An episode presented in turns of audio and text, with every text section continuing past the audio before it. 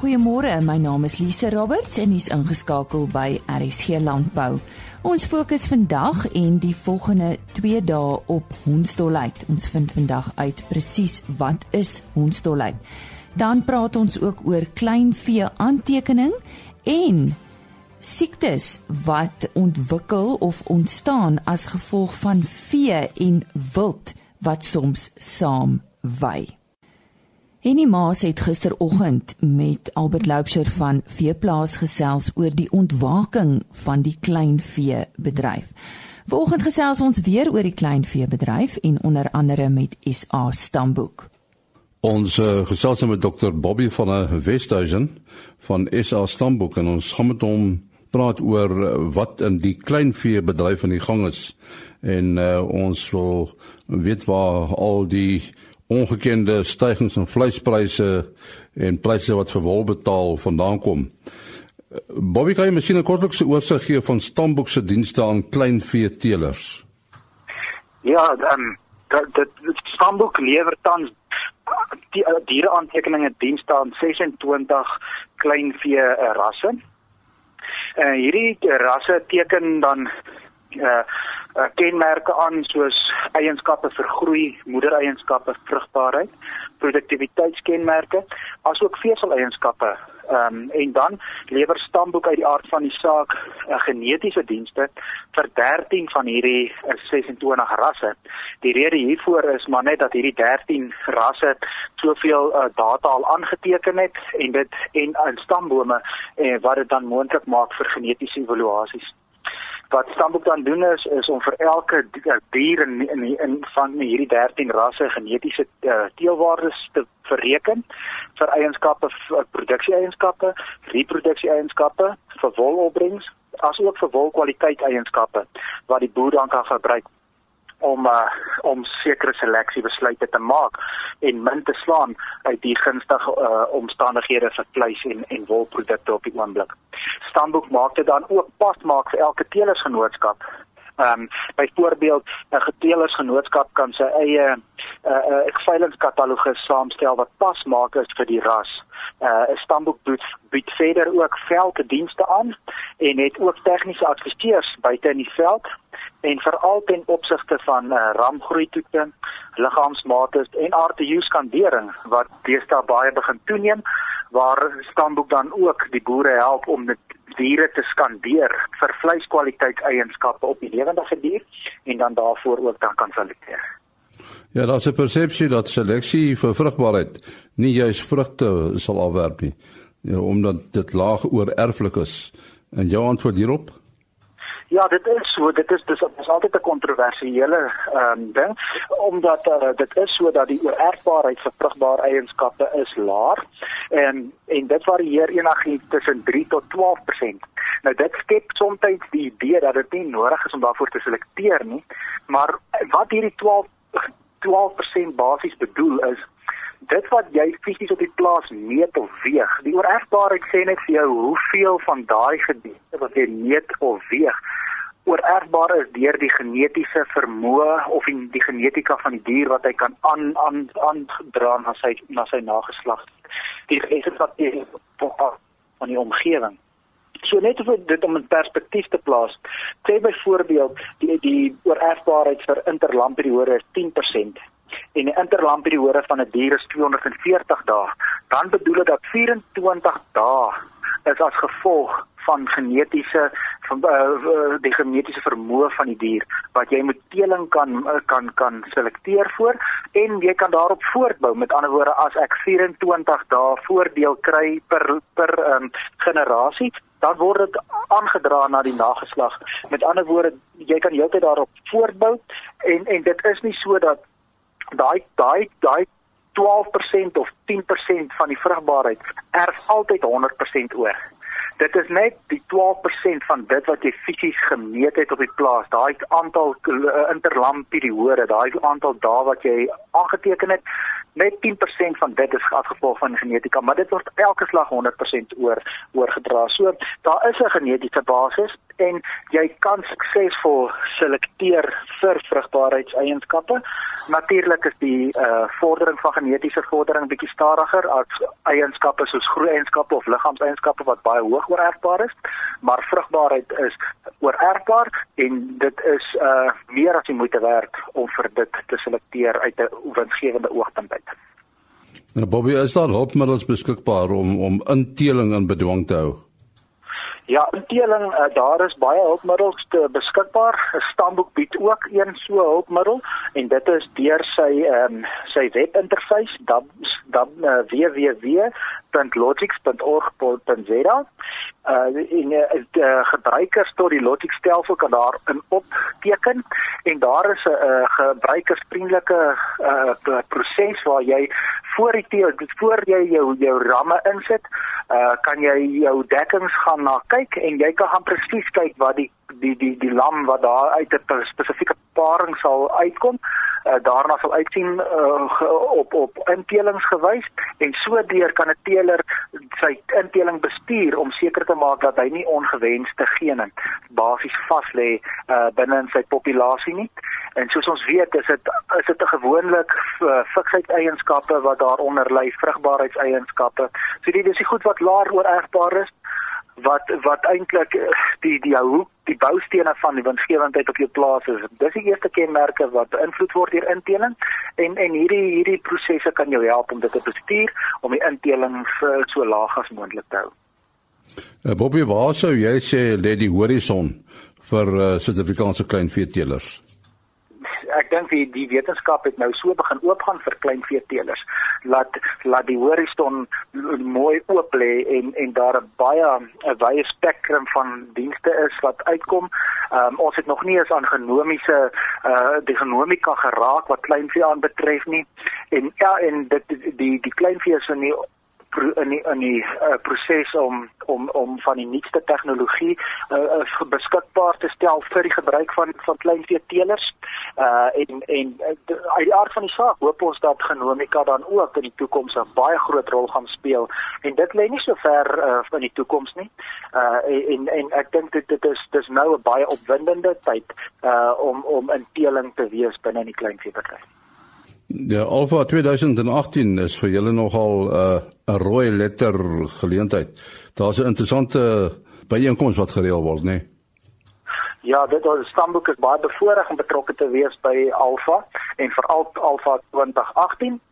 Uh soos jy weet, 20 Alpha 17 het hom toegespits op die kleinvee en 2018 gaan hy voortbou uh, waar dit opgehou het en dit daar is planne op die tafel om 'n interras kompetisie tussen kleinvee te hou waar uh die genetiese waardes of die genetiese bladwaardes ook gebruik gaan word uh binne binne binne in binne 'n interras uh, kompetisie by Alpha 2018 en uit die aard van die saak sal daar gebruik maak van gemaak word van 'n sogenaamde uh, ekonomiese seleksie in indekse waar ons gaan kyk na elke ras se eie uh, ekonomiese uh ekonomiese syfer vir elke spesifieke ras en dan die genetiese komponent daarvan te identifiseer en dan diere ehm um, op die uh, te, in in in die kompetisie te plaas wat dan ook uh, nie net uitmuntend lyk nie en of goed is uh, mooi is nie maar ook wat baie goeie syfers fisies het om te wys dat dat jy kry uh goeie genetiese diere wat wat net so goed sal presteer uh in in enige omgewing. Ja, dank aan uh, Dr. Bobby van die Wesduisen van SA Stamboek. Dankie Annie. Die volgende onderhoud word aangebied met die vriendelike samewerking van Afriwet, soos jou veearts in die veld. Like your vet in the field. In Suid-Afrika het ons interessante uitdagings omdat wild en vee sy aan sy op plase voorkom en soms selfs weidings deel. Nou wild kan siektes aan vee oordra, maar vee kan ook siektes aan wild oordra. Ons gesels nou met Afriwet en uh, eh, Dr. Sumari Potgieter is 'n veearts by Afriwet. Sy gaan ons meer vertel oor sommige van hierdie siektes. Nou Sumari, kom ons begin oor haarwurm in swart-wit pense. Miskien kan jy ons meer daarvan vertel. Goeiemôre. Goeiemôre Lize, dankie, is lekker om jou te kan gestel. Ja, en haar wurm of sy wetenskaplike naam is die Monkey contortus is 'n wurm wat ons in skape eintlik altyd gevind het. Maar dit is vir ons dat dit nou al meer probleme veroorsaak in wildspesies en dan veral in jou wildspesies, die diere tipe wildspesies weet sien mens nogal die effek baie. En dit is nou byvoorbeeld jou swarte prinse en jou bastergemsbokke wat ons agterkom dat dit spesifiek probleme begin veroorsaak. Watter simptome kan gesien word? Ehm, Lise, die simptome wat kan gesien word is baie redelik vaag want dit is nou wurm wat daar in die pen sit en wat hy doen is hy suig bloed.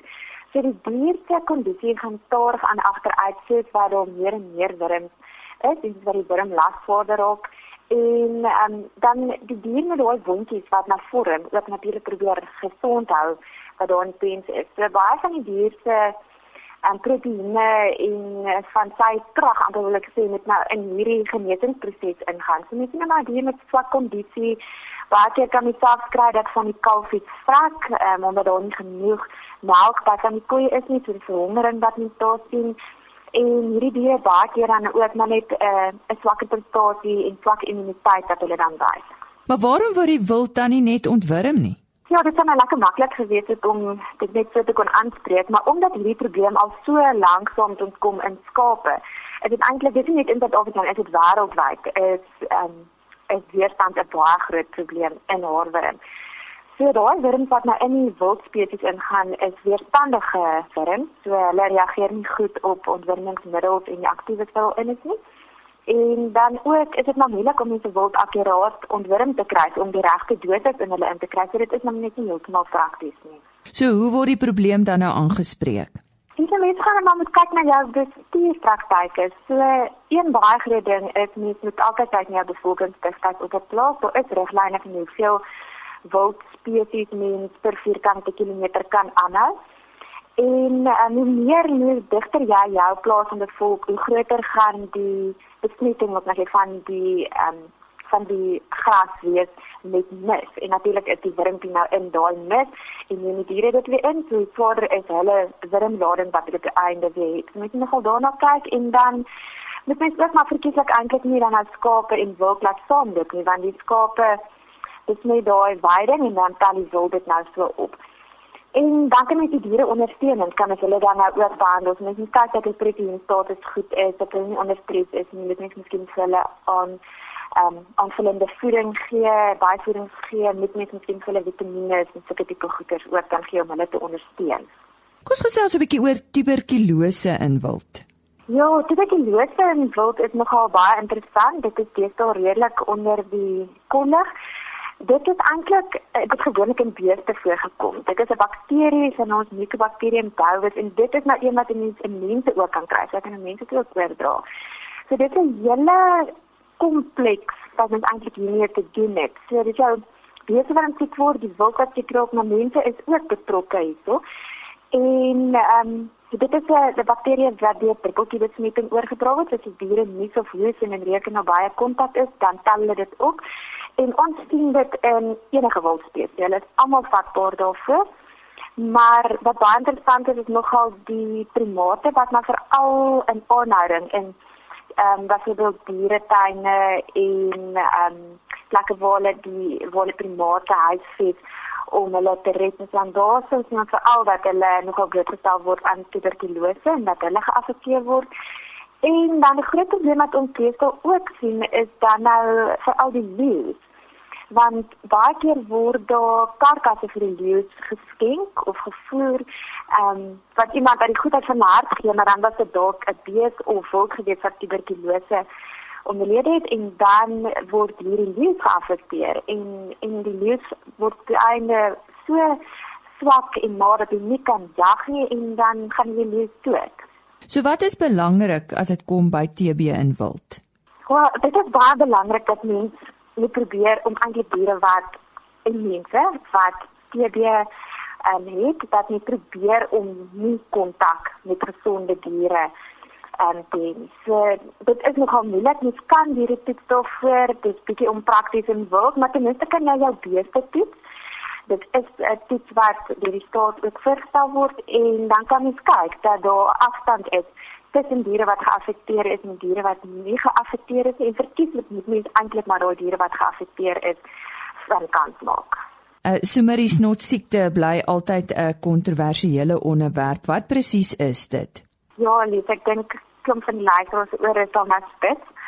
Want snot siekte is definitief een van daai siektes wat nogal ehm um, kontroversieel is, is dit en konflik in Suid-Afrika kan veroorsaak dit is 'n hartbeesvirus en hy kom hoofsaaklik eintlik in wildebeeste voor. In ander dele in die wêreld in skape en Suid-Afrika daai deel nie eintlik belangrik nie. So ehm um, in Suid-Afrika vind ons dat die snotsiekte wat by wildebeeste is, die groot probleem veroorsaak. En dit is 'n siekte wat die asemhalingsstelsel aantas en hy ehm dit is saaklik dit hy beeste aan en hy veroorsaak nogal groot vragtes in beeste en beeste skiet en dan ehm um, die naam snotsiekte kom daarvandaan met kan nou die koneksie maak dat dit 'n asemhalingssiekte en die diere het verskriklik baie slijm wat hulle produseer met snotsiekte. So daai neus loop verskriklik. En dan is en daar die asemhalingsstelsel is dit is mucosa wat daar binne voorkom. So enige plek in die lyf waar daar mucosa is, gaan ook geaffekteer word. Jy kry baie keer dat die dier van voor tot agter geaffekteer is, op selfs sy spysverteringsstelsel ook geaffekteer is. Die die slijmvlies wat om die oë sit ook geaffekteer word. Hulle kan blind word, maagwerk ook wys en al sulke tipe goeters. So hoe groot is hierdie probleem in Suid-Afrika? Dit is nogal 'n groot probleem en sporadies steek dit sy kop maar gedurig deur uit. Dit word eintlik wêreldwyd aangetref maar in Suid-Afrika omdat ons nou ons wildspesies en ons veespesies in sulke noue kontak het, vind ons dat dit baie groot is. En in beeste is hierdie siekte dan fataal as hulle dit opdoen.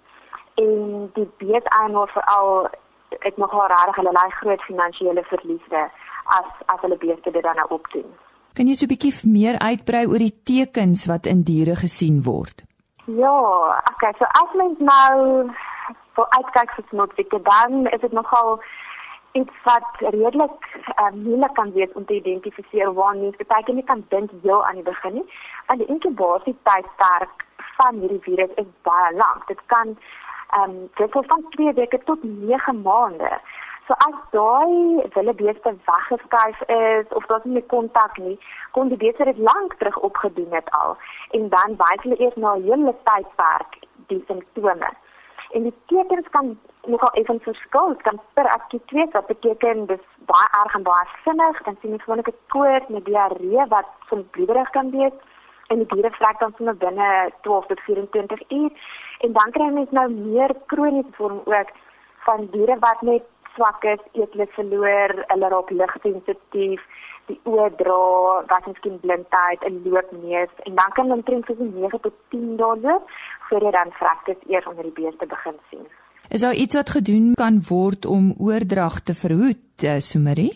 Ja, eintlik in ons dieresiekte wet van 1984 word dit geskryf dat 'n eienaar 'n permit moet hê om wille beter aan te kan hou. En in daardie permit is daar dan allerlei voorwaardes wat nou ook nog ekstra dae gestipuleer word. En volgens hierdie dieresiekte wet hier daar eintlik ook 'n dubbele grensdraad wees tussen beeste en wild om 'n beskermingsafstand van so min of meer 'n kilometer te handhaaf. Want die teorie is dat hierdie virus nie oor so ver as 'n baie afstand sal versprei en dan die beeste aansteek nie. En um, ja, en dan is dit iets wat ook redelik in die nuus is, is dat Afrika wel uh instof teen snotsiekte ondersoek om dan nou ook ons diere te kan help daarmee. Kom ons kom by bruselose, is dit ook 'n probleem by 'n uh, wildsumerie? Ja, dit is definitief ook 'n probleem in wild. En die boere sal redelik vertroud wees daarmee en um dit is 'n bakterie wat deur Brucella, ag die bakterie se naam is Brucella abortus. En dit is nogal 'n probleem wat mense dan nou weer by jou buffels sien veral. En hulle het oorspronklik gewoonlik aangesteek van beeste af.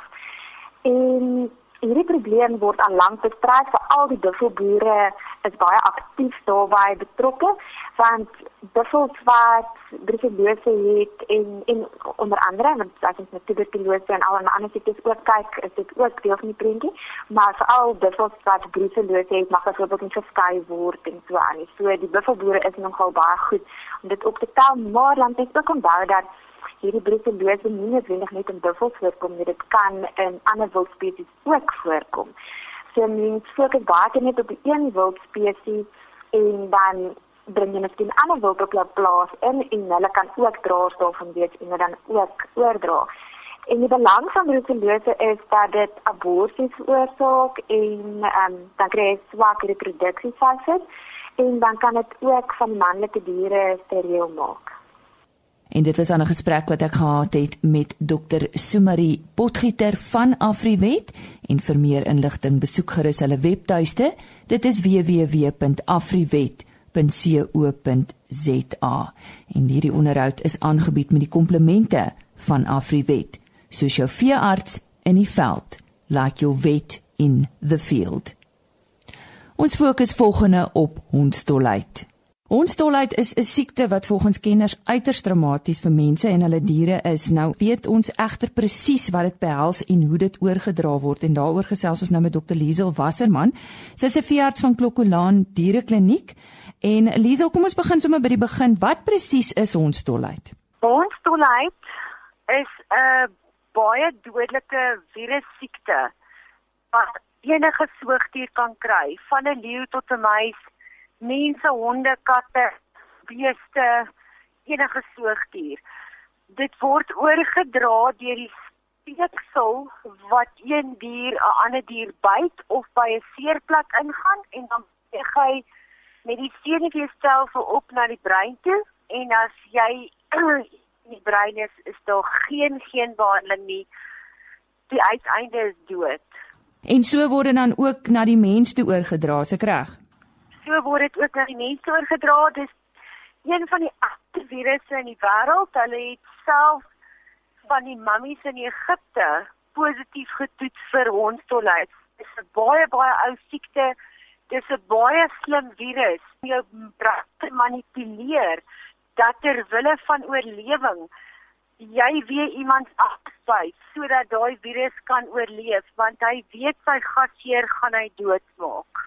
En watter diere sien ons nou ons dolheid meer gereeld? By ons in die Oos-Vrystaat sien ons baie wilde honde met ons dolheid, uh jakkalse, meerkatte, rooi meerkatte, Ehm um, ons het al 'n paar uitbrake gehad in beeste. Ehm um, katte het ons al gesien wat baie wat baie ehm um, skaarser is, maar dit kom maar van die wilde populasie meer katte af. En wat is die spesifieke simptome van 'n dier wat nou hondstolheid het? Daar's twee hoofsimptome. Nie alle diere wys dieselfde simptome nie. So die maklikste manier vir mense om dit te onthou is dat die persoonlikheid van daai dier verander. Wilde diere kom mak voor en mak diere kom wild voor.